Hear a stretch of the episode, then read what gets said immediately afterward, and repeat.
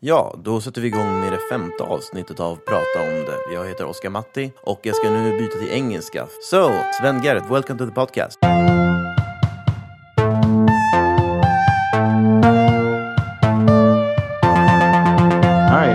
To be here. So, Sven, you are Secretary General of IFLRY and uh, you call yourself an aspiring philosopher on your webpage. Yeah, I mean, uh, I'm a PhD student, therefore I aspire to something, namely the academic degree of a of a PhD. But uh, let's see how it goes. right, right. You say you're in the process of becoming more of the second and less of the first. Precisely. Uh, in the end, I I would be happy to have finally the title. I started uh, with my PhD project like four years ago, so at one point I have to I have to finish this. But now you're studying uh, political economy. Yes, yes, yes. But I mean, in political economy, I focus mainly on issues that are relevant to the philosophical literature. So I have a background in, in politics, economics, and philosophy, and mostly in my PhD, I focus on the on the last one. But I, I teach on all of these uh, different areas. But again, my main focus of the research is in philosophy. You also have a newsletter that I subscribe to as well, with some links to recent writings and other findings regarding philosophy and other issues. Yeah, exactly. So I started my newsletter project a couple of years ago. For my friends, we were always sending each other uh, links, obviously, and we are all interested in broadly the same topics. As I said, uh, philosophy, politics, uh, economics, culture, all of these topics. And uh, this newsletter made it more accessible to a larger audience, and now it gives me the space to write about uh, these topics to people who sign up, and uh, it has grown quite substantially. So I'm happy to put out my thoughts on certain political phenomenon that I'm obsessed with uh, uh, in a certain time. Um, but it can really range to even life uh, advice and stuff like that. Yeah, it is a pretty wide range of the subject. I tend to follow them, even though I prefer the more philosophical ones. But I picked up some uh, so, some topics on them that I'd- like to discuss with you. Uh, a lot of the links are about the issue of the growing populism. You had one describing the the conflict around the the rising populist movements and the, the backlash for liberalism in several countries, which I also think you address a bit in the the IFLRY work. So, what do you think has been caused in this sort of backlash for liberalism? Yeah, so initially, uh, when I stumbled across the, the term populism, I was not very interested in it because populism was always referred to like a certain style of communication, something that resonates with the people, or it's like a very successful way of campaigning. That's what the media put out there. Um, but then over time, uh, it became to me obvious that uh, there is something more ideological behind all of these movements, uh, and that this is not only a communication style that people like Trump or Orban or the Brexit campaign had in common, but there was some underlying values that were communicated. And uh, so a couple of years ago, I think two or three years, I picked up some of the books and some of the literature that was emerging in uh, political science on the topic of populism to get a better picture. And at that time, I also got uh, more involved with international politics and visited quite some countries, like countries that are perceived as led by populists, like, for example, Poland, Hungary, uh, or Russia, one might say. Uh, Putin is like the predecessor of all these populist movements because he's not a populist himself, but he paved the way uh, for populism. And so I understood more and more that populism is a backlash to the success of liberalism, properly understood, and that there are some values that all of these populists share, and they go fundamentally against the value set that liberals put out there. So populism is the backlash to liberalism. And if you understand it in that way, a lot of their moves make now sense. Like, for example, what Putin said in June that modern liberalism is obsolete. It's the most deliberate attack on the ideology or the values of liberalism. And that, of course, drew me in as somebody who works on the future of liberalism uh, in an organizational matter or who has always been very interested in the uh, philosophical underpinnings of the ideology. Yeah, I would agree there is more than simply a way of communication. It's a worldview behind it as well. When you picture a people against an elite, for example. Now we're talking about a very specific populist movement. Would you say that this is a general case that populist movements challenge liberalism or that is this one? Yeah, I think that's a good question. I think populism is not something that comes now um, once again. Uh, it, is not something that we have seen in the past. In the past, uh, I think the, the political ideologies that out, were out there were rather clear. There's um, the, the left, inspired by, by socialist ideas, uh, Marxists, uh, stuff like this. And then you had like the conservative right, always appealing to uh, traditional values, often uh, with a very strong religious background in the ideology. And then you, have, of course, had the liberals, Um, and over time, both of these movements in the political sphere has have picked up kind of ideas from liberalism. So in many societies, we have seen that social democrats have adopted liberal ideas. Even socialists, for example, the the value of human rights has been so undeniably pushed that all political movements kind of united them behind uh, their ideological or adopted them to their uh, political agenda. And so liberals, even if they have not been successful in elections as, as parties, their ideas have been tremendously successful by having them Um, seen adopted by many of the other political movements. And so populism is different as it questions some of the assumptions that liberals put out there. So we see that populist leaders um, deliberately attack, for example, pluralistic institutions, something that liberals uh, always concern as their core achievement. So, for example, something like the rule of law, protection of individual human rights, and proper democratic procedures. And by that, I mean not only that we vote on something, but it, we vote on the right questions and that there is a balance in civil, with civil society and the parliament so that we have a plural and diverse society. And that's something that the populists are after. And I think these kind of elements, I can go into more detail if you want, but these elements show that populism is precisely a backlash to the liberal values and the success story of liberals. I think part of the thing that they're doing is also, as part of that narrative, they're trying to undermine the trust or confidence in these pluralist institutions as well from their own sort of premises. We have our arguments for these pluralistic institutions, but they will trying to, to paint out them as corrupt or as on, only serving an elite or as uh, not fulfilling the purpose we ascribe to them as part of this campaign against them, right? Yeah, that seems certainly right, and that's why there is this obsession that you put out there with like the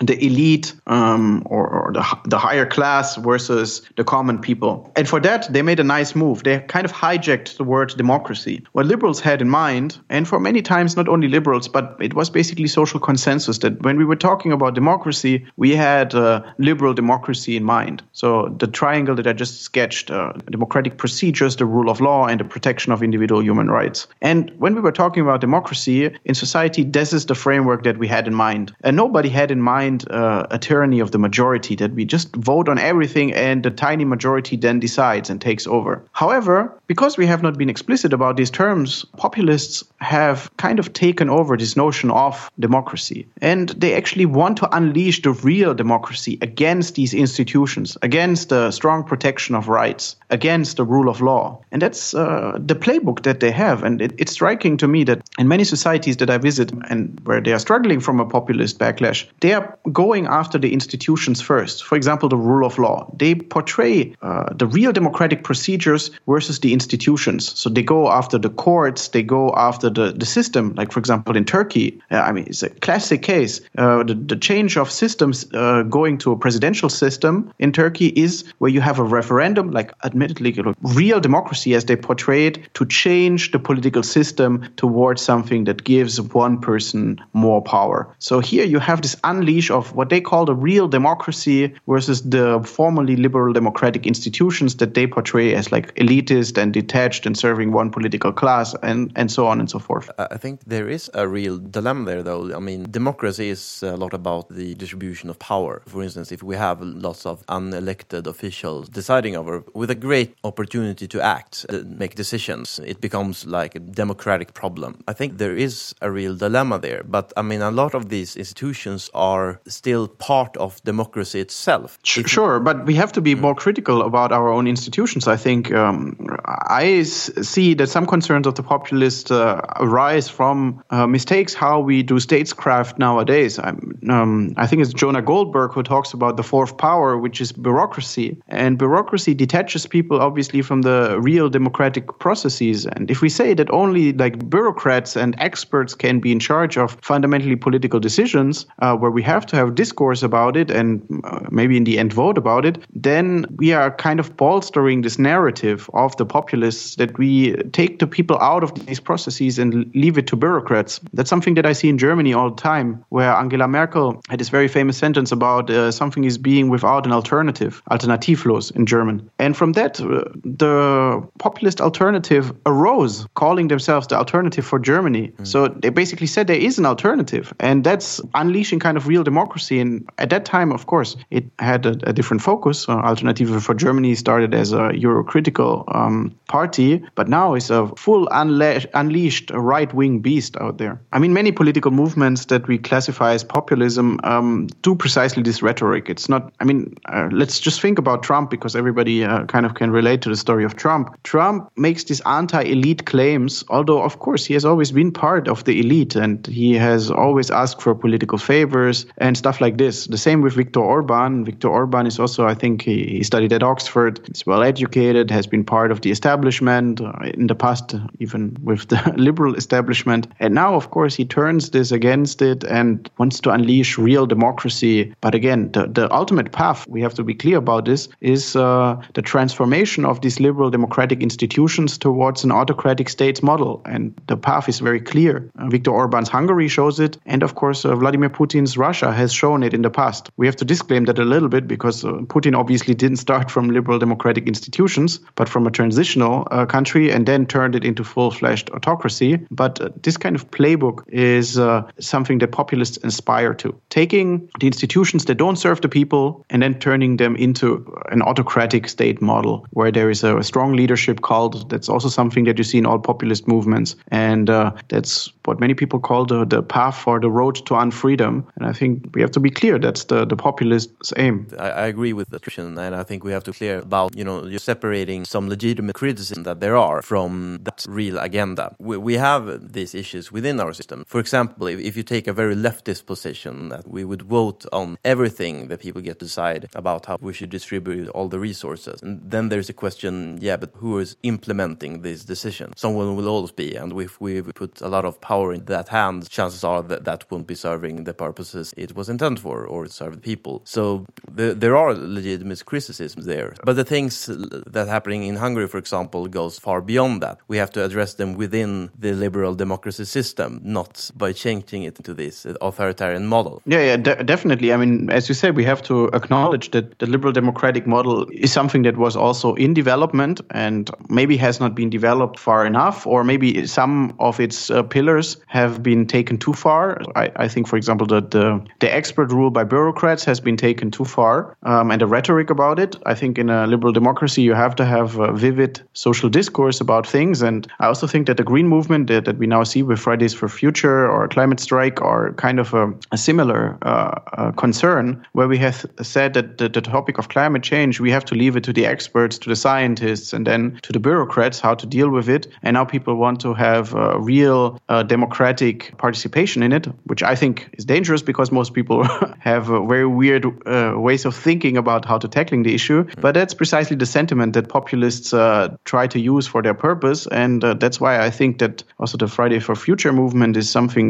that they dog on certain uh, populist uh, sentiments, and that can turn out very dangerous. Instead, I think we have to have a proper social discourse where issues can be discussed and they shouldn't be policed. So I also blame, of course, parts of, of the rise of populism on a too woke strand of liberalism, where we now are obsessed with certain problems uh, and police thoughts and uh, speech. Uh, and that, of course, helps the populists to make uh, their case even more easily, even if some of the concerns that uh, especially left social liberals are concerned with are legitimate and should to be brought forward, but they need to be discussed in a proper manner instead of not being uh, shutting down people, because that's, again, undermining the institutions of uh, liberal democracy. Uh, one of the sworn enemies of these populist movements are the radical modern left. But I, I, would agree that they're mainly a challenge against the liberal. But this model doesn't have that much in common with traditional liberalism. What role do you think it has played in shaping this current political landscape with populist rising? I mean, they, they are looking for an enemy that they can attack. That's part of the rhetoric, the old return to the uh, Carl Schmittian uh, idea of friend versus enemy. And there, this woke left serves, of course, as a nice counterpart. These are uh, very privileged uh, young people often that have very narrow topics that they uh, moralize over and over again. And then the populists take these very isolated cases. Let's take uh, um, uh, transgender issues, for example, out there. And then they spin it in a way that, oh, what are we nowadays obsessed with? We have other problems and um, kind of try to portray the, the, the, concerns of common people versus these um, elite concerns of the woke left. And I think I wouldn't uh, go as far as to blame them, but I would say that there is something where we drew the dial too hard on these issues and lost part of uh, of the social discourse, or where we lost people, or we're not able to include enough people in the social discourse about it by making these uh, issues overly dramatic and uh,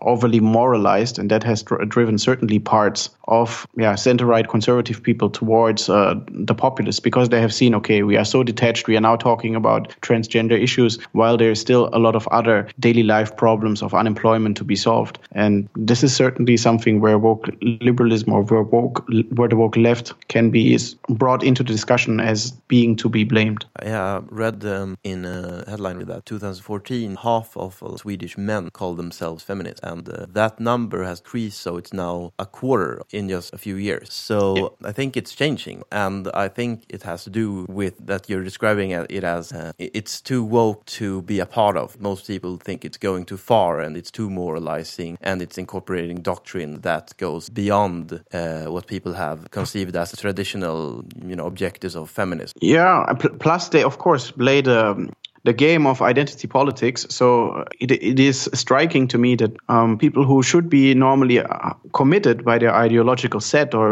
uh, by their ideological priors to individualism, that they go back to advance their very own cause on very collectivist group grounds. And so they play the game that the populists also play when they say, okay, it's the white straight uh, man versus, and then let's put any other group in there. Uh, and in this system, when we think about social discourse in identity groups fighting over power, over issues with each other, the populists will naturally arise as a, as a political and powerful force because it's kind of their home pitch liberals have always portrayed society as something different, as a, a space for mutual cooperation, um, where we come together, find consensus, and then move forward. But now, when we play um, the game of identity politics and one group versus the other, uh, we enter into this old set of what I mentioned before of the Carl Schmitt view of politics, of friend versus enemy, and the existential battle. So, by existential, he means that something really that gives you meaning. And if you enter into this battle, naturally you give rise to movements that then will uh, you will clash against you. There is a stylization of the friend and of the enemy, and uh, the populists found their enemies, and in the same way, the woke left found their enemy. And now they are battling this out, and liberals have been kind of overwhelmed by all of this because they see the social justice concerns um, on the left, and they see, on the other hand, also the ordinary concerns by the people that now vote for the conservative or populist movements. So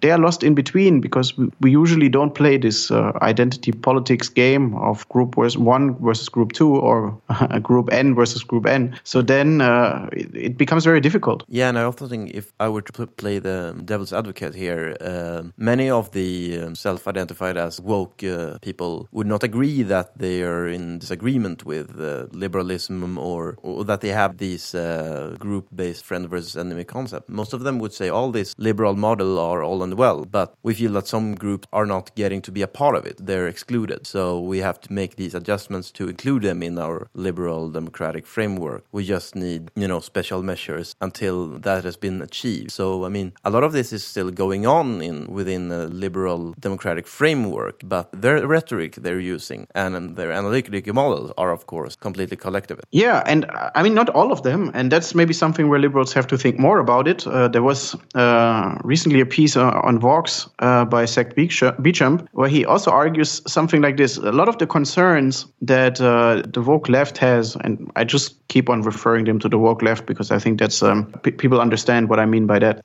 Their, their concerns are compatible with uh, liberal concerns about social justice. However, they to, adva- to to advance their cause, they retract to this old model of uh, identity politics and group interest. So they return to a collectivist thinking, and we have to think why is that the reason? People whose priors could align with the principles of liberalism and therefore individualism, why do we lose them in questions of social justice? justice to this uh, collectivist thinking. I think one reason is that liberalism has become more more lazy to develop its own vision of what it means to have a modern liberal society, and they don't feel that modern liberalism addresses their concerns in an appropriate manner. And I think this is a, a good starting point for liberals to think more on how can we address these issues that pop up in terms of social justice, of uh, gender identity, for example. Um, how do they fit in within the larger framework of liberal thinking? And so we can abstract and get people by not going into the particularities, not saying, okay, this, this group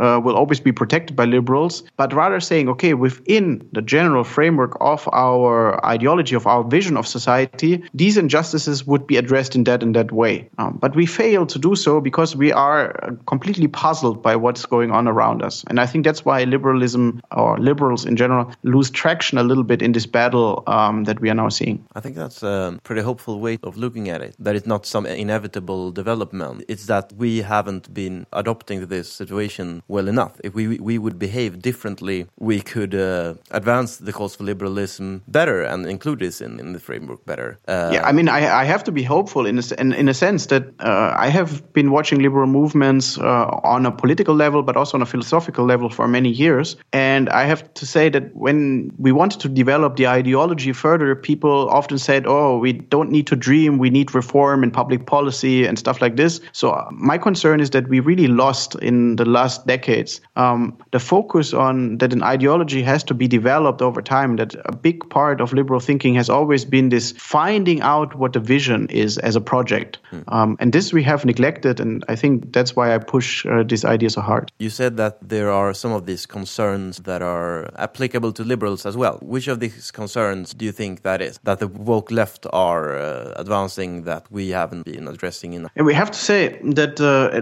the origins of the feminist movements or the um, women's suffrage movements have, have been with liberals, uh, John Stuart Mill, Mary Wollstonecraft. Um, but however, we lost these movements over time to now something uh, that barely resembles the origins of, uh, of feminism. Now you have this uh, very post Marxist debate within the movement, and liberals are completely out. They cannot shape the feminist movement, for example, because they're completely out of the bubble. And I think that's what happened at many times that we lost touch with these the movements as movements. We didn't lose touch with the idea of, for example, equality, but we lost touch with the movements. And I think similar concerns we now see with the concerns of people that have uh, struggles for gender identity or with, for example, hate speech. There is a, a liberal concern for what shouldn't be said and how we deal with hate speech and how we should deal with hate speech. Liberalism doesn't mean necessarily that all speech is permitted. It is more deep reflection on what should be said and how social discourse should look like. And there I look into uh, thinkers like Habermas, who have very clear rules about how we should engage with each other, especially in politics when it comes to speech. However, we are not part of the discussion, I feel. There is the very open free speech movement, um, and then there is the, um, let's say, uh, woke left that they fight against who want to implement safe spaces. But there must be some nuanced way to think about it, and there must be a theoretical underpinning for our thinking. Um, however, liberals cannot articulate that, and while I see that uh, a lot of speech can be offensive and harmful, we don't have a proper response to it. Um, however, I think liberals should have a response to it because it's a legitimate concern if people um, feel that their concern is undermined in social discourse. And so we have to think about ways to include people in discourse because the more people you will have there, the less they will go to the fringes and engage in this uh, one group versus other group battle. And that's uh, one example where I say, uh, or where I see liberals being lost between the two sides. We, we could make a distinction here. There, there's a potential disagreement, but I don't think we need to address it. It's uh, there is a clear difference between uh, the speech that should be allowed legally and speech that should be promoted or not Right? I mean, let, us say. Oh yeah, uh, definitely. Uh, yes, yes, yes. We think perhaps people should be allowed to say things we disagree with, or even really stupid things and pretty harmful things within some boundary. Um, but of course, we need to promote discourse, for example, against bad arguments. We have to have norm um, regarding speech. I mean, liberals don't want that Twitter becomes kind of the platform for social discourse. I, I mean, not the platform Twitter itself, but how Twitter is run. And, mm. um, and Twitter is basically a very hostile and toxic platform at the moment. Uh, but the reason is, as you point out correctly, they are not the right social norms that operate in our speech there. And I think with uh, increasing diversity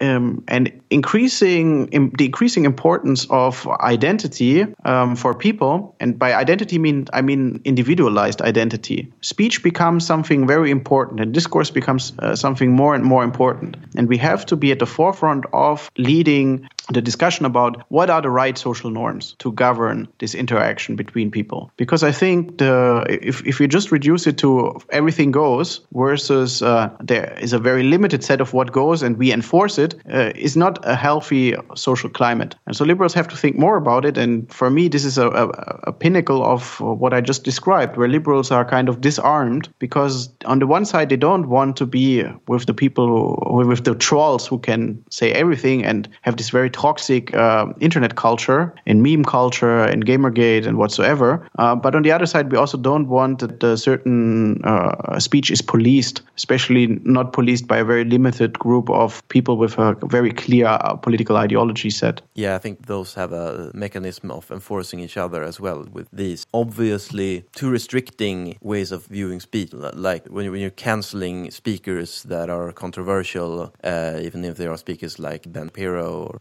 uh, that are provoking this response, or at least give some legitimacy to this response by now we should say anything, and now now we should do these really provoking uh, pictures and memes about this with these you know racist or anti-Semitic jokes uh, or something to make these kind of extreme provocation as a counter to this. I mean, yeah, and I, just let me be clear. I, I don't. I what I say is like from our perspective, or from my perspective, there is uh, nothing right with deplatforming certain ideas, mm. but there must be something in between where when some people feel offended by, for example, if I ask the question, uh, uh, but where are you really from? The person says I'm from the United States, but then due to their looks or something, I have other priors or other assumptions. Then I say, but where are you really from? She says, okay, I, I feel offended by this question, and this is a an interesting point where we have to see, okay, how should we deal with that? On the one side, the person should be able to voice that they feel here offended, but on the other side, we don't want this uh, taking offense to be um, antagonizing between people. So we have to have this open climate where we say, okay, actually, this one I think was an inappropriate question, and the other person says something like, okay, yeah,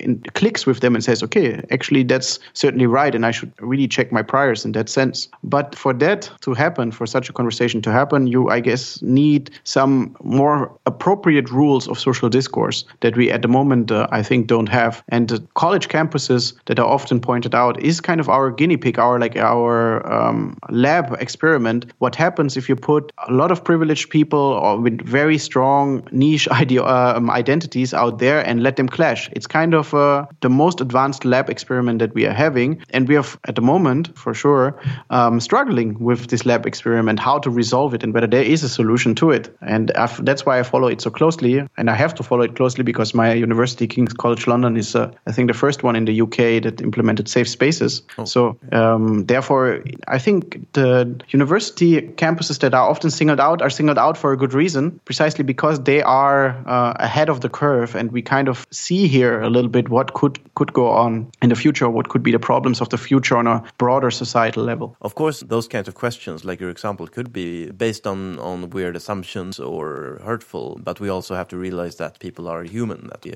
acknowledge people's feeling about, but still that people will make these sort of mistakes, and we, we can't exclude them from conversations or have too harsh of, of the reactions for it. But as you say, a middle ground for addressing these issues um, without the people condemning the people who are making these mistakes or are in these conflicts too harshly, but still uh, be able to address the concerns of the people li like those who are asked those kinds of questions. Yeah, and I think that's a, a tremendously difficult question how to deal with that. And uh, again, liberals have not thought through these questions in appropriate sense. We have uh, kind of retracted either to uh, full free speech or to um, some sort of policing. And I, I see there is a battle within liberalism itself. But instead of being torn towards these poles, I think that there is some space for thinking about social discourse in the future um, where, where, we could take a, a, different, a more nuanced approach. And that's once again part of our new project of refinding or reclaiming uh, the project of liberalism. And that's why I brought it up. I don't think I'm satisfied yet with, uh, with the answers that we provide. Uh, we have to think more through this and we have to observe what is going on. Uh, and that's why the college campuses are so interesting because this is where uh, a lot of um, the future direction of society will go. That we will have increasing diversity, we will have the incre- uh, increasing importance of individualized identities and intersectionality, and that's something we have to deal with to ensure still social peace and stability and rules of discourse. So I think there's a big project, and as you know, I work a lot on the topic of pluralism and diversity, and for me, this is like a, a core way of addressing it. I think in, in some ways liberals have adopted to this way of reasoning as well, the, the woke left reasoning. For example, the cause of migration has been a great deal about, of debate about in Sweden. I would argue that the most uh, liberal agenda would to promote more open borders in different ways. But uh, in Sweden, we had this case that if you're opposed to open borders, some of part of this movement response to this policy is that uh, you, you're against open borders because you are a racist. There are only like two poles in this debate, two possible positions. Do, do you agree with this description? Do you have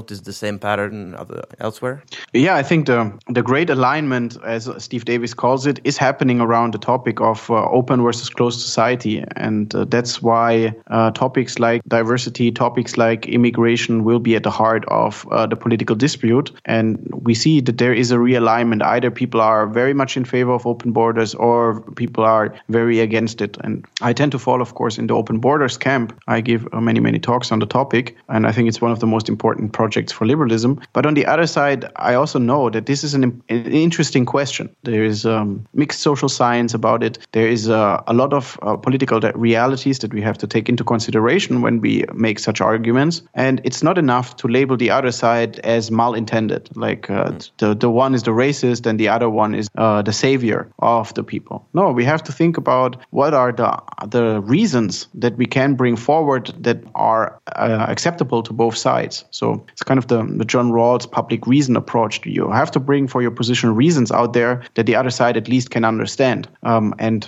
even if they disagree with it, they see that reasonable per- uh, people would make such claims. And I think that's uh, what we lose in contemporary discourse. We don't understand the other side and we don't want to hear the other side. And if they say something, we immediately uh, prime them or frame them in a certain way. And you gave one example the very um, liberal use, and here I don't mean the political movement, but the, the, the very liberal use of the word racism or, um, or whatever misogyny adds to all this controversy. Right. I mean, some of these positions are excluded from existence almost. We, I think it was Eric Weinstein that uh, uh, talked about if, if we have this worldview that if you're against migration, it's because you're against migrants or pluralism, and if you're for it, uh, you like migrants. But uh, that excludes uh, what he called xenophile restriction people that are, you know, doesn't have anything against migrants, doesn't have anything against pluralism or different culture, but still, for different reasons, want a more closed border. We have not only not dealt with the, the position's arguments, we have completely eliminated this position from recognition. Yes, but often we don't even get um, to, to the proper reasons why people are restrictionists. Mm. In this debate, it is striking to me how little is argued about particular uh, uh, reasons that people bring forward. It's immediately retracted to behind like big buzzwords, like uh, the one that is uh, saving the world and has a lot of empathy for people from outside versus the person who wants to close down, who is a racist. There are concerns that we have to address, like, for example, what happens to the labor market. And I'm more uh, persuaded that actually all evidence that we have in social science doesn't point us towards a direction that uh, restrictionism actually uh, prevents uh, consequences for the labor market. But similarly, people can and should make clear what are the reasons why they are against a certain case, because then we can engage with them and hopefully persuade them. And that's the only way that we have social change in liberal thinking. We have to persuade people, and for that we have to know the reasons why they are in favor or against a certain phenomenon. But at the at the moment, we don't let people argue about reasons. Maybe because we are also ourselves not sure what are good reasons for open borders, um, and that's why I give uh, many of the talks to really sketch down the argument why liberals should adopt an open borders framework, and then we can discuss with it. And I'm also happy always to discuss with people who are more on the closed border side. Um, I don't see them as uh, malintended evil people, but something that we have to engage with on a very important question, and then we see where the majority of the argument falls for. Yeah, of course, that's a completely necessary part to even have a productive discourse at all. I've been thinking about this why we, we haven't been dealing with the, the arguments that, for example, the populists Sweden are putting forth. I disagree with arguments, but I think a lot of people in the debate are doing a bad job of uh, countering them. But perhaps it's because we work they work from this assumption that these people are just mal have bad intentions, so their argument is not uh, prime case to be addressed. Is a mal intent, and then any arguments against them will do. Yeah, there's a cool experiment that I like to do with people. It's like uh, I give you a very easy song, like let's say Happy Birthday, and then I ask you to um, knock the song on the table while the others in the audience don't know the song. And um, they just hear your your knocking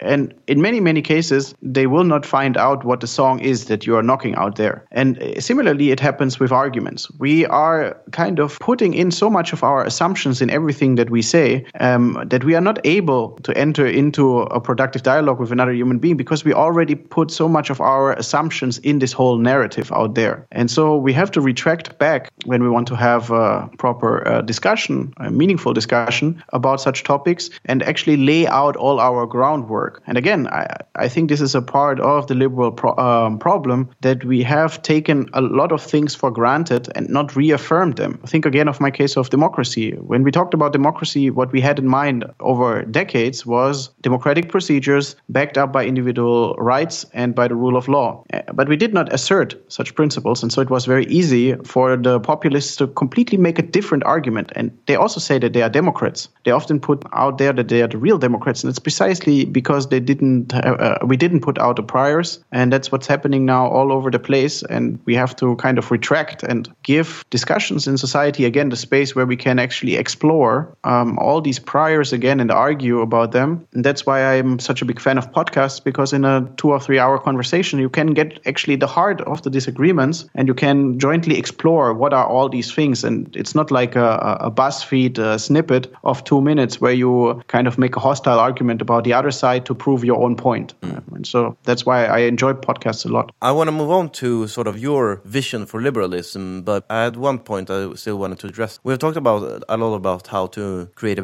better discourse. The so-called intellectual dark web has uh, taken on that mission, you could say, uh, both to counter the, the, the woke left and, and also pro promote uh, for a better discourse and a better climate for disagreeing. What do you think about this? Do you think they are succeeding and doing a good job of it? To a certain, I mean, I follow a lot of uh, the people that are now in the intellectual dark web or la label themselves as intellectual dark web. I have followed them for many, many years, and I enjoyed always uh, the long format conversations that they had. Uh, some, of course, more than others. For a long while, I then unsubscribed, for example, to Sam Harris because I just couldn't bear it anymore that he was so focused on the Trump election or something like this. But what people like Joe Rogan do a great job in is giving just a space to explore ideas and put it out there. And I go to many countries uh, where people um, uploaded on YouTube a kind of Russian translation of the Joe, Joe Rogan uh, podcast experience. I think it was with Neil deGrasse Tyson. So uh, people crave these long format conversations. And the way it is done um, by Joe Rogan is uh, very playful and um, investigative in the sense that he wants to learn more about these things and takes the, the, the listener with him. And I think that's precisely what we what we're looking for. And here, the intellectual dark web, which is mostly uh, conservative or right wing leaning, does a better job than uh, similar formats on the left or in the liberal sphere. I wouldn't even know whether there is something in the liberal sphere, but in the on the left sphere, we have something like NPR, highly scripted stuff where we basically reinforce the message that we already have. So NPR listeners, they get the same message that they already want to have. And the same happens with uh, even like TV, CNN, and NBC. It's like uh, nobody will be surprised about the newest outrage about Trump, but it kind of reinforces their priors and reinforces their existing worldview. And uh, I don't think this is anything uh, in any ways helpful. Um, but if Joe Rogan talks two and a half hours with uh, with Bernie and they go off in all sorts of rabbit holes, then I think is uh, truly beneficial. And I think this is uh, what we should aim for. And therefore, I have uh, a lot of respect for them. Yeah, that's sort of exploration I hope to be able to do in this podcast as well. I hope we can have a, a liberal sphere, and and it's I think it's a sign of the success also that some people on the left are gravitating toward this platform. Yeah, yeah, and, and, the left tries to discredit this movement always about okay, it's only young white males who are tuning into um, Joe Rogan because he uh, kind of represents their worldview of like hustle and grind and whatsoever. I mean, I think the fundamental misunderstanding there is that not everything is so fundamentally political. It's not part of a conspiracy. People just like to listen uh, to a couple of hours of good conversations on a topic because they have been deprived for so long of it. Uh, the news uh, media has, for obvious reasons, failed in that regard, and I don't blame them for that. That's maybe the uh, inevitable business if you design news like uh, junk food. I stopped to read the news uh, three or four years ago after I read a beautiful piece by Rolf de Dobelli, and ever since I don't miss anything in my life. But I can understand people who still consume news that they are fed up with how things are done and the two-minute uh, clickbait things that you hear not only on BuzzFeed but now on all news platforms and even on something like uh, uh, BBC or CNN CNN. Yeah, I don't really follow news except for social media, unfortunately. Surely have a great filter bubble of opinion. That, I mean, the problem here is uh, really that we filter. Uh, like I also uh, use my my Twitter for uh, getting relevant articles, um, but uh, of course I'm biased uh, by by a certain crowd. Although I have to say that I follow a lot of um, academic philosophers um, for obvious reasons, but their political priors are so far detached from mine that I actually get quite a, a heterogeneous result. But of course, nobody of them could ever understand Brexit. So I think in my timeline over years, I have not seen a single uh, good piece on why people should vote for Brexit or actually understand why people would vote for Brexit, but it's quite the opposite. I wanted to move on. In Izmir, where we were with IFLRY, you called yourself uh, an anarcho-capitalist. Yeah. Uh, I, I think I did so myself. After some hesitation, I remember after some hesitation, you know, you joined the, the group. Yeah, it's a difficult labeling issue. But what, what does that mean for you, anarcho Well, an anarcho-capitalist believes that there is, I mean, I mean, there are various strands of anarcho-capitalism, we have to be clear. So there are uh, people who think that any kind of uh, aggression exercised by anyone um, is impermissible so it's kind of the natural rights approach by people like Murray Rothbard uh, that is very strongly united behind what he calls the non-aggression principle. And he says if, if your moral doctrine is that there should not be any aggression, means rights violations, um, then you cannot ground the state. Mm. Uh, I was, uh, when I first read uh, Rothbard's work, also kind of persuaded by this argument. So this was kind of my segue into anarcho-capitalism. But then I had more and more troubles to fully buy into this very strong notion of natural rights because at one point these rights become so absolute that almost everything in society becomes impossible. Let's think about externalities. Like, for example, is it uh, is it a violation of uh, your rights if I put a laser beam on your property? And I think people like Rothbard don't have, for me, convincing answers to such puzzles. So then I explored other schools of anarcho-capitalism because you know you want to be rebellious a little bit, and I, I stumbled across the the more ca- consequentialist anarcho-capitalists who think that okay, I mean if we agree on the presupposition that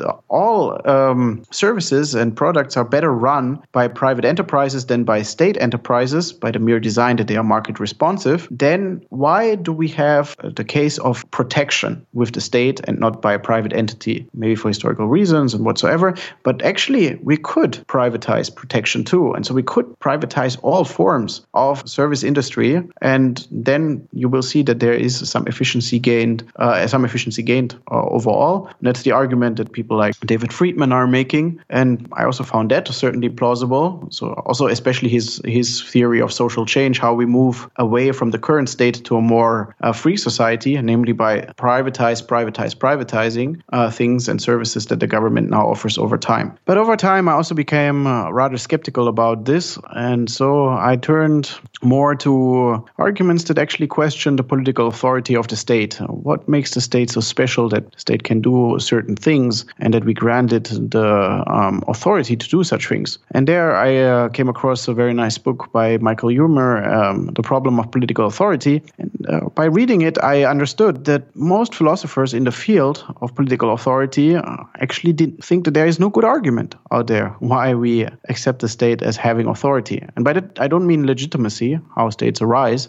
I'm talking about the fact that the state can do certain things that normal human beings cannot do. So uh, just let me give you one example to make clear what I mean. Suppose in, in your neighborhood there is a problem of criminality, and suddenly Bob uh, shows up, and Bob decides uh, to arrest some people and put them into their basement and kind of provide law and order. And then at one point, Bob knocks at your door and says, "Okay, um, you have to now provide me $100 because obviously you see the criminality rate go down. Went down. I put all these people into my basement, and you say, "Well, I didn't ask you to do such things." And actually, I uh, disagree with a lot of the practices that you uh, put in place. And then Bob says, Well, if you don't pay the $100 by tomorrow, I will also put you into the basement. Mm. that's kind of the motivating thought that uh, uh, starts with to explore why ordinary people can't do things like Bob, but the state seems to be able to do things like Bob. And uh, I found this uh, quite interesting. And I think I, I, started to see why some people call themselves philosophical anarchists. And um, that's that's what I would label myself uh, right now too. I think that there is no proper grounding to political authority. So that's kind of summing up uh, my position. That doesn't mean that I want to oppose the state or want to throw Molotov cocktails or something like this. I just think that there is a, a problem of authority out there, and uh, so far we don't have discovered any good arguments. Part of these assumptions are similar to the argument of non-aggression that we wouldn't accept this kind of aggression from a person. So why should we accept it from the state? Sure, but um, the difference between uh, people like uh, Michael Huemer or and then Murray Rothbard is that what they have uh, as a conception of rights uh, is something much weaker. So I think people like Huemer wouldn't say that there are certain rights that can never be violated. For example, the right of bodily integrity, integrity can be overwritten very easily. So, for example, you pass out and I try to um, reanimate you. Um, so therefore, I kind of violate your physical integrity and certain of your rights. But we do that with good reasons, and we can provide good reasons. So while people like Rothbard thinks that, uh, that you can only voluntarily give up rights, and some of them you even can't give up, but uh, people like Huemer don't have the strong conception of rights. And for me, every theory that has to have very strong absolutes seem to be uh, at least a priori problematic, and therefore I, I find the latter one more appealing. I'm still more in the rights camp, but I of course recognize that there are problematic scenarios and dilemmas where these rights can become absurd or have to obviously be overruled. I don't think there is any good system because you still need, of course, principles for when we are allowed to act and not to act. But if the system is too rigid, I see how it could be problematic. But you still have this argument against the state authority that it should not be grant privileges that would not be granted to individuals. Sure, sure. I mean, uh, for example, the, the, the social contract that the state enters with uh, with its citizens. It seems like to me it, it is not even a proper contract. I could even go behind the idea that there is some hypothetical document that people didn't sign, but the problem is that the contract that we assume here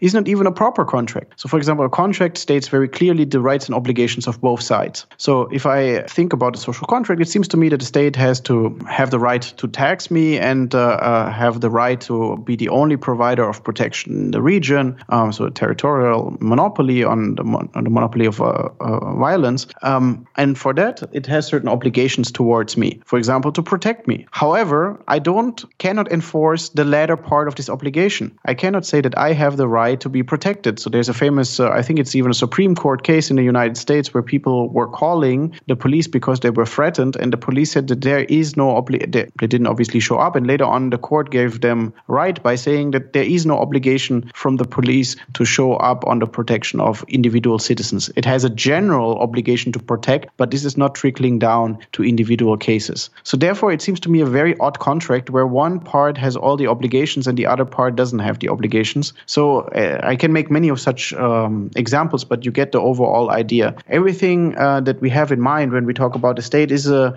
certain status of specialness, and uh, that needs to be questioned. It's similar whether you talk about the right or just the difference, this privilege of authority we, we give it. It is still that we, we should then hold this contract same standards as to hold any contracts, and it doesn't fulfill those criteria. It is the contract, and the the, the argument for the authority of it goes away. Yeah, and I uh, I also give talks on the principles of liberalism, and one of the principles that I lay out there, uh, I label skepticism about power or skepticism about authority. And I don't mean that all liberals have to be um, very uh, anarchistic leaving, but uh, leaning, not leaving. Um, but what I mean by that is there is a certain critical mindset with liberals that every time when a certain social group, a certain individual, or a certain institution is equipped with a lot of power or social status or authority, we have to question this because the fundamental assumption of liberalism is liberty in a sense of equality of authority. So we don't grant people uh, a priori authority over others. Every authority needs to be justified. And this critical mindset is violated if we don't question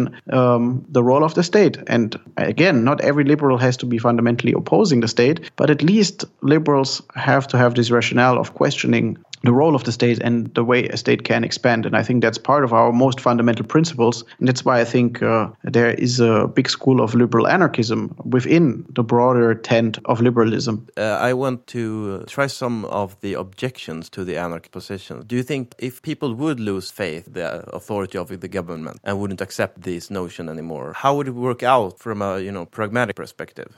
Well, I think from a pragmatic perspective, everybody will always kind of be a fear mongerer and say, okay, we would have an implosion of uh, social stability, there would be chaos. And like, even if you think about the word anarchy, anarchy means a system without order, but we, or like, we have a system in without order and with chaos in mind. But anarchy means that there is uh, no centralized authority. So there can be a lot of order, there can be a lot of governance. However, this governance is chosen voluntarily and is not enforced or like centralized. So the way we already hijacked this word anarchy uh, shows me a lot of what people are afraid of um, or what they are fearmonger. However, I think there's no reason to be afraid of a state of, of anarchy and actually to enter into this thought experiment quite willingly because if you uh, look around, there are many institutions that arose not through government action or through centralized action, but through spontaneous or spontaneous uh, emergent structures. And there's a great piece by John Hasnas where he talks about the obviousness of anarchy. We don't have to be afraid of uh, a private police force because we already have in many instances instances private security. And it seems to work. And none of them seems to turn into rival bandit gangs that uh, uh, are threatening us all over the place. So if you go to a concert, there is, of course, a private security company and not the police enforcing it.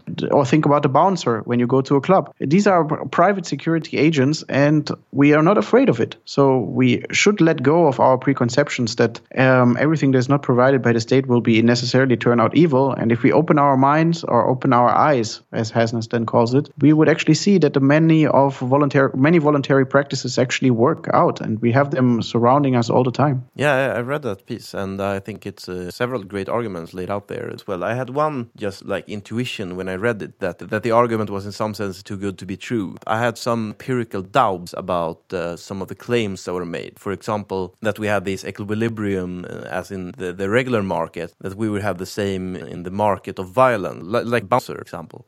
I, I, mean, most people that would support the existence of, of a central state authority would claim that there would be a lot of issues there, uh, a, a, lot of bouncers that wouldn't behave, or a lot of violence directed at people without the means to defend themselves. But Hasnas would mean that claim would be false, that these instances would be better off at least than uh, would have the violence. Uh, I met John this summer and I asked him a very similar question. And he said, Well, it's an empirical question whether this is true or not. Um, he's agnostic about it. He's not a, a, defender that it has to be true that anarchism is the right position. What he says is if our worry is that uh, uh, with whether we cannot justify uh, a privatized security for um, foreign affairs or for national defense, then we have already come a long, long way. Because along the process, we have then let a lot of um, tasks that were or are still nowadays with the state, we have already moved into uh, this, the realm of private interaction.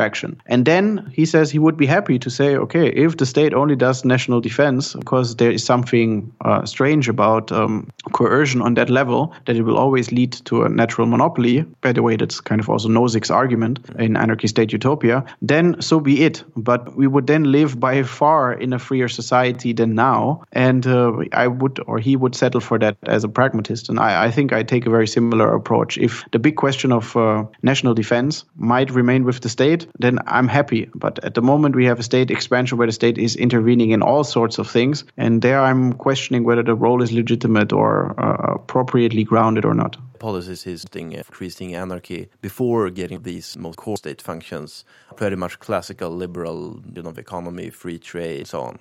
I mean, the, the, the, big argument, for example, by with Hasnas's article is about the law. Many people think about when they think about the law, and I don't know about the Swedish tradition. I think the, the Swedish tradition is more with uh, in line with the German one of uh, statutory law, like where law is basically legislation passed by a parliament or by a lawmaking body. While um, he says that there is a, a, a counter force, namely a common law. Common law is passed through many, many, many different real world court cases done by juries and judges and um, it kind of spontaneously emerges rather than being passed by one central agency. And he thinks the common law is a classic case of where we see that even the law can be provided by spontaneous private interaction and doesn't have to be come up with and enforced by one central agency. Yeah, and I think uh, that was also a very interesting description. And also, the fact that our laws developed using these practices. Still, and, and we have to be clear like the problem of, for example, legislation versus common law is that legislation can go off uh, in a wrong way many, many times. So you could ground um, things like segregation and uh, uh, oppression of certain groups very easily with legislation because you just have to pass it through the political system. This would be very hard to ground in a common law tradition where you kind of have many, many different court cases to prove a certain um, a point to become a law. So, in fact, Hasnas argues that all oppressive legal systems have been uh, passed through legislation and not through common law traditions. Right. The purpose of these uh, uh, common law mechanisms are to solve dispute non-violently, so people will gravitate toward the one that does a better job of it. That's our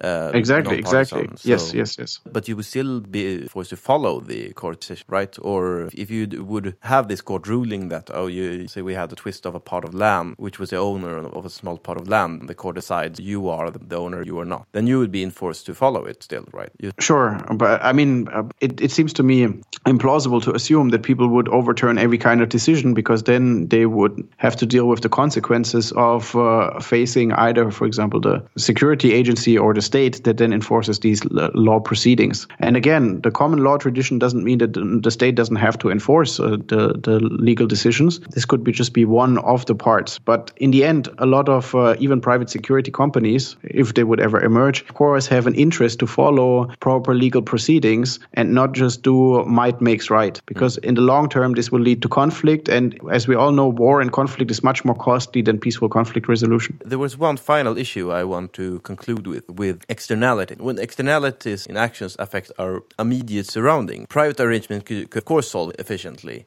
I mean, we settle a price for how much a certain externality bothers me. But when we have things like uh, carbon emissions or something that affect people on the other side of the planet, how could we, from a liberal perspective, view the solutions to these kind of issues? Yeah, I mean, it's an interesting question. So, for many environmental problems, we have uh, one great tool, namely private property. Private property is the most uh, useful tool to internalize externalities and also to set the incentives right. That um, if you give property over something, people take care of it because they own, they have, uh, as Nassim Taleb calls, skin in the game. Mm. Um, and therefore they take care of it. And uh, if they own something and they are harmed, they can also uh, negotiate with the harming party. So, that's like the, the Coase theorem. And, in other words, where the perpetrator with the victim, they both basically negotiate uh, the correct price of compensation. So if uh, somebody makes noise at night and I want to have uh, um, a noise-free environment because I have to study for a test, I can pay the other party off. And the tools of uh, exchange and property give us uh, here a good framework how to deal with environmental externalities, and we can internalize them without the strong tool of taxation that people like Pigou proposed. However, However, you kind of point towards one problem where this doesn't apply, namely the problem of climate change, because we cannot own um, the atmosphere. Right. And therefore, we have a free rider problem because the polluter doesn't have to internalize the costs and can also not be sued by others because there is no private ownership of um, the atmosphere. And that's, of course, a very difficult question. So I, I think I, I'm torn in between. Uh, one way, of course, is uh, a carbon tax that I might favor to internalize a lot of the pollution. Um, on the other hand, I also think that um, if you think about the problem of climate change, uh, we have to not only tax and hold people people back and to only focus on the reducing of the or the reduction of emissions, but also to focus on innovation, growth, and progress to overcome a lot of the obstacles that we are facing. And uh, so I'm torn between the two because, of course, the tax will hinder certain economic growth, and um, that's a, the current uh, trade-off that I'm trying to make in my mind. Uh, I'm more leading towards the uh, more economic growth will help us to overcome many of the challenges that are associated with um, climate change. However, I also know that uh, certain communities will be hit harder than others And then we have to find ways how to deal with this problem, for example, through compensation or other tools.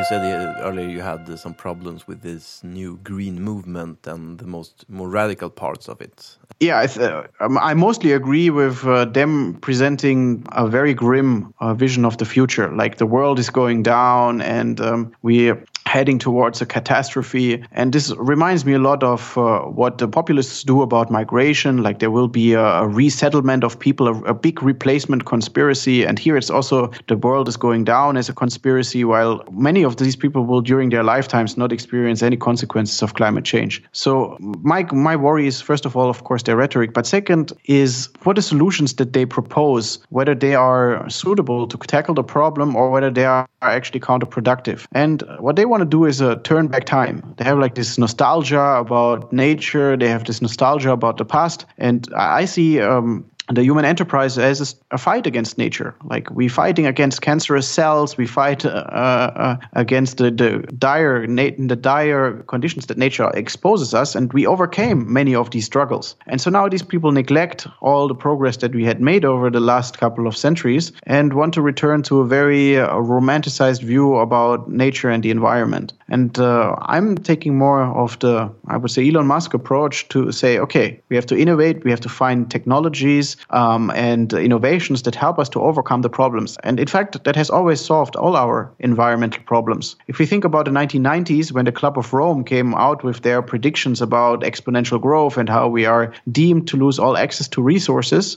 markets and um, innovation helped us to overcome many of the problems. We still are not running out of oil and we're still not running out of many of the resources that they claimed that we would deplete. In fact, many of the predictions, more than 90% of the predictions of the Club of Rome have been wrong. Mm. And I think a similar uh, trajectory is uh, we see now with the green movements. A lot of their predictions assume a very stable um, or a society where you can basically draw the chart uh, in a predictable way. However, I think we are living in times where innovation and exponential growth can actually help us to overcome many of the problems. We will find technologies to solve this, but we let people, we have to have people that are willing to engage in entrepreneurship, in innovation, in progress, uh, but and they are hindering them. They are basically shaming them for their efforts and think that the political tool is the only one uh, where, with which we can solve this. There was a historic claim that we will never be able to have phones for every person in China because we don't have enough copper for the lines or something. And then most of these issues have purely technical solutions. But they, of course, claim that it's different with the climate because we have this emission problem that we haven't really faced before. My problem is that for the first part, it's, it's as, as you say, it's a very grim prospect of the future, and it's also treating it like it, as you say, we have we have an exact model of how things will play out. One of the the, the worst scenarios painted is uh, is the consensus by the scientists, and you know this will happen if we don't do these measures 10 years something like that. Yeah i mean i usually start with accepting any kind of the premise of the other side. So if they are saying that uh, their scientific findings are the ones that we should follow i just grant it. Mm. i studied at the, at the lse which is famous for um, actually uh, the philosophy of science and uh, uh, also climate modeling. And of course i know the limitations of many of these models but for political discourse i think it's a good practice to just grant the assumption of the other side and then see okay what are your solutions to this problem? And then already you dismantle a lot of, of their thing. P- people who are critical of the movements often have to retract to uh, what is called a, a, denialist position. They deny the science behind it, and then you don't kickstart a conversation. What I want to have with these movements is a real conversation about okay, what are your solutions, and what is the historical proof that your solutions actually uh, have any uh, um, validity? Right. I think the solution that I propose to invoke human creativity and ingenuity um, has proved over time, many, many times, to solve all sorts of problems that we could not imagine to be solved. But now we live in the best possible world of, I think that's undeniable. And we have reached that through progress, innovation, and growth. Yeah, that was my my second part of criticism. That uh, what what are the exact solutions? And a lot of it is just pointing to the issue and talking about how serious it is. It would be much more interesting to talk about what you want to do about it. And um, yeah, as you say, in, in that discussion, I think the answers are often vague. I agree with uh, both of your positions there, actually. And I also think if we would have a system where we internalize these uh, stamens, these externalities, so you have to pay for your emissions, we also direct creativity sort of away from the emission emissions sectors of the economy towards the non-emission sector because it would be relatively more uh, lucrative. Sure. I mean, of course, one core problem remains like how do we determine what is the optimal rate of pollution. Mm. If you don't have property rights, you have no way of determining the optimal rate of pollution. There is hardly anyone that can come up with such a number. So I'm just worried that once we even agree on such a scheme, we then argue about the overall cap of emissions. And some people will be more restrictionist and some people more expansionist. So we just move away the discussion. And um, it's already then in the political process. And it's like with the minimum wage. Once it enters the political process, it will be the, the full amount will be determined determined by the by politics, and therefore I'm just worried that this will turn out the same with uh, with carbon emissions and carbon tax. But in, in, in principle, I'm not against a, a, carbon tax. I just think we focus on the wrong tool here. The, uh, there are better tools out there, and people like Elon Musk have done much more for environmental protection than um, many of the politicians that have passed environmental regulation or whatnot. Yeah, all of these systems need, of course,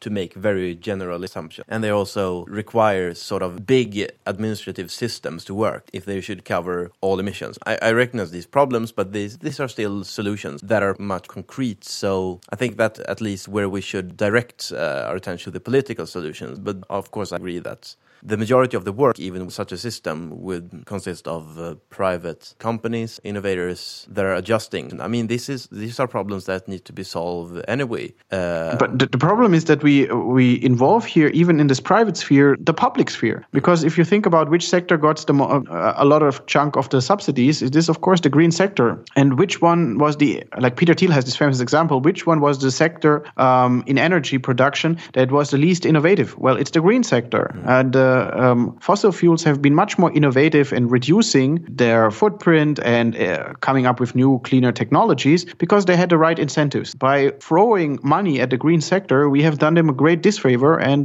have taken out all kind of innovative progress because we messed with the incentive structure and we messed with prices. The best part would, of course, be to get some sort of technology neutral way of addressing the emission, but that we're not distorting incentives or giving these uh, contributions to firms or these uh, industries certain green techs. A lot of um, environmental politics are conducted that way, unfortunately, that we are kind of supporting certain green technology, but we won't know these are the ones that will work out eventually, or are the most efficient, or if there are other ones. Uh, sure, and you know, there's a plurality of options out there, and in, in a good and open discussion, we explore all of the merits and flaws of these different proposals. But the green, uh, the climate strike movement at, at its core at the moment, it engages in very toxic political behaviors, I think, even if I have high respect for Greta Thunberg, uh, I think if she just says like uh, one generation was basically lost and you you are the ones to blame and you politicians don't act, I think it's not an argument to be made in good faith, but it's very similar to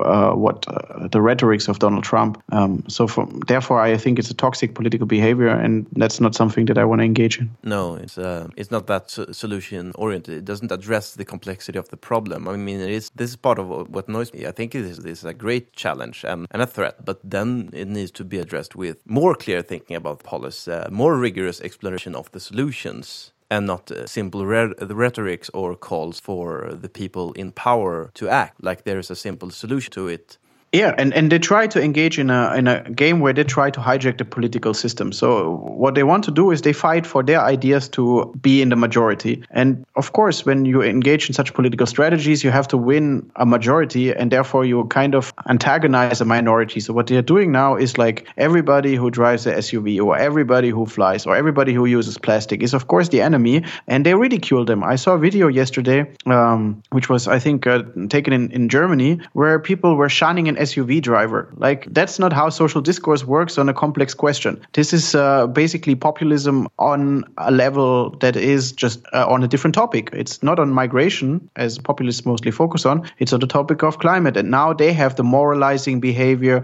They have the friend versus enemy rhetoric. They are anti-pluralists when it comes to that. They even want to undermine the democratic liberal order um, in order to get their um, climate goals fulfilled. And for me, this is a equally authoritarian authoritarian movement than many of the populist movements. And therefore, I don't see uh, any liberal underpinnings. And I think liberals should propose better ideas and liberals should warn about um, this climate hysteria and the climate strike people. Yeah, I'm trying to encourage the, the acts that I kind of hijack the movement to direct it towards more, more practical solutions as well. I mean, uh, the uh, emission tax uh, solutions are all uh, have their own problems. I mean, as you say, with setting the price, it's not an easy thing to solve. I mean, I don't think there is one great solution to it because the lack of property rights in it. I mean, Nordhaus made four different models, I think, of how to value emissions, to set a price on them. But they, they are four ones in his model that are possible, and uh, a, lot of people are disagreeing with all of them. So um, it's incredibly complex, but I still think that's all the, one of the possible tools that are at hand. So I think that's where we have to try to drive the attention to make the debate less, less toxic. And maybe just one last point on this, uh, because mm. th there are so many assumptions assumptions that you have to bake in, but these assumptions they are never spilled out. So, for example, why sh- um, why should we actually care about future people?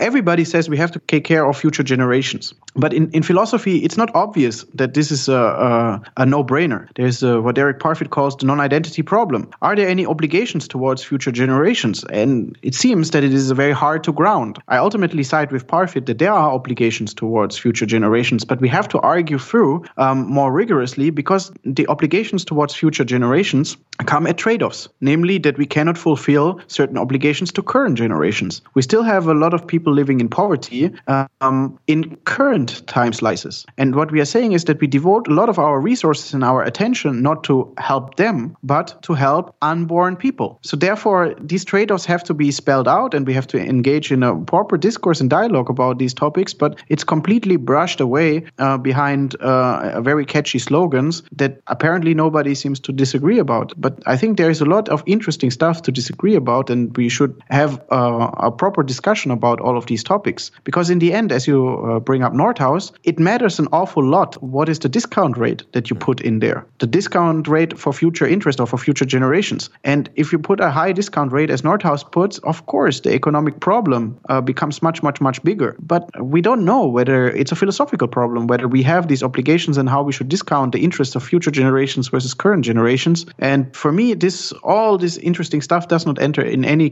sense into the public uh, attention or the public discourse, and therefore I'm rather upset by the by people that have a legitimate concern and therefore bring it out to the streets, but then do not recognize that there is a plurality of viewpoints and a plurality of reasons that you bring forward, and um, that brings us kind of full circle to talk about populism because that's exactly uh, the populist political environment that they aim for and what liberals always have opposed. Yeah, I I, don't know if I would I, I might have slight slightly different view on generation prospect, but I, I also think that this complexity needs to be addressed. This is in the very core of what me measures we need to take, what, what are even our, our premise to act on this problem. And I think it's uh, yeah, I think um, it is a is a debate that we completely missed and uh, th that needs to be readdressed when we're dealing with this issue. So we have to sort of wrap it up here. Yeah, thank you for the invitation. I, I had good fun discussing all of these different issues from a very philosophical uh, perspective at one point. Um, good fun. Thank, thank you. you so much. Thank you. Thank you.